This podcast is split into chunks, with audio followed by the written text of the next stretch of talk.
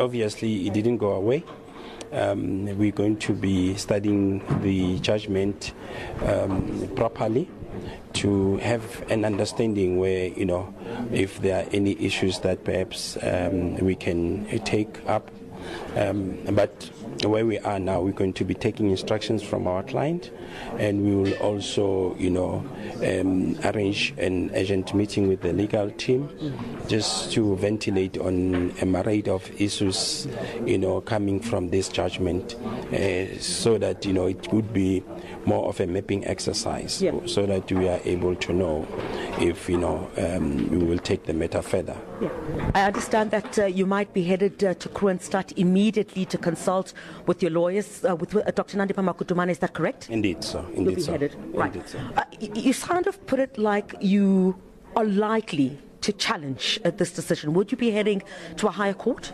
Uh, look, um, from where I am and uh, with with the reasons uh, you know given in, in this judgment, one cannot rule out that possibility. You know, uh, one, for instance, the issue of of um, the conduct of the respondents in in receiving our the, the applicant, our client.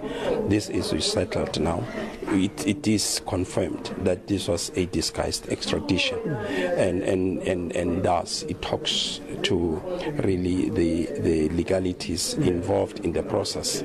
You know, so there is one issue that the court actually, um, you know, mentioned, which swayed the court to, uh, to dismiss the application, which is an issue of consent. You know, um, it's an issue in our view, which is a it's a sticky point. Um, in, you know, it's highly contentious, and thus, you know, we'll zoom into these reasons and and check if uh, are they really aligned to the judgment in totality. Yeah. Did such perceived consent really warrant the dismissal of the application. Mm. So these are the you know a conglomeration of factors that we'll take into account in really mapping the way forward, whether we we take the matter to the higher court Yeah. or you know yeah. But where we are now is to take instructions from our client and followed by a you know an ad hoc meeting with the legal team to ventilate on the issues. That was the legal representative for Dr. Nandipha Makutumana Machini Mutlong. Uh, meanwhile, Home Affairs Minister Dr. Aaron Motsoaledi has welcomed the decision of the court, and here's his reaction earlier with our colleague Aldrin Sempier. we are very, very happy.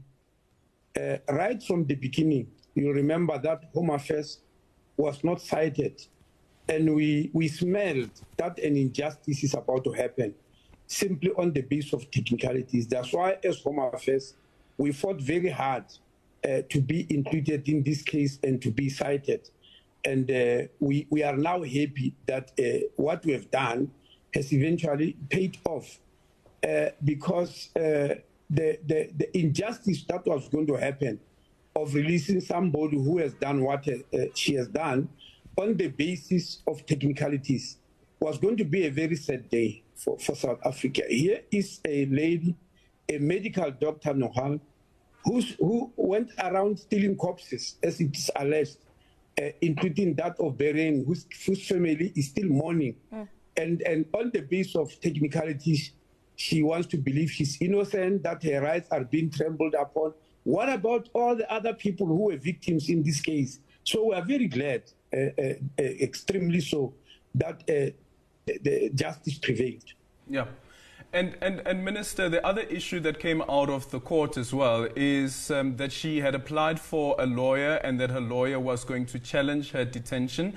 Um, this is in Tanzania. Does Minister know any of that information?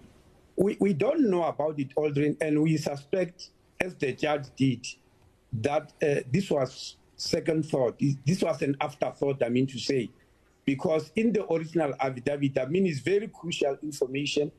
In the original affidavit, it was not there. They were responding to our affidavit, seeing what we have got on the affidavit.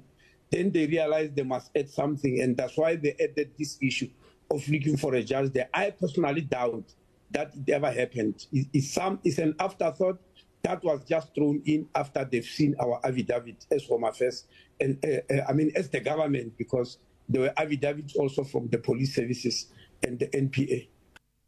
And that was the reaction of the Minister of Home Affairs, Dr. Aaron Motsoaledi.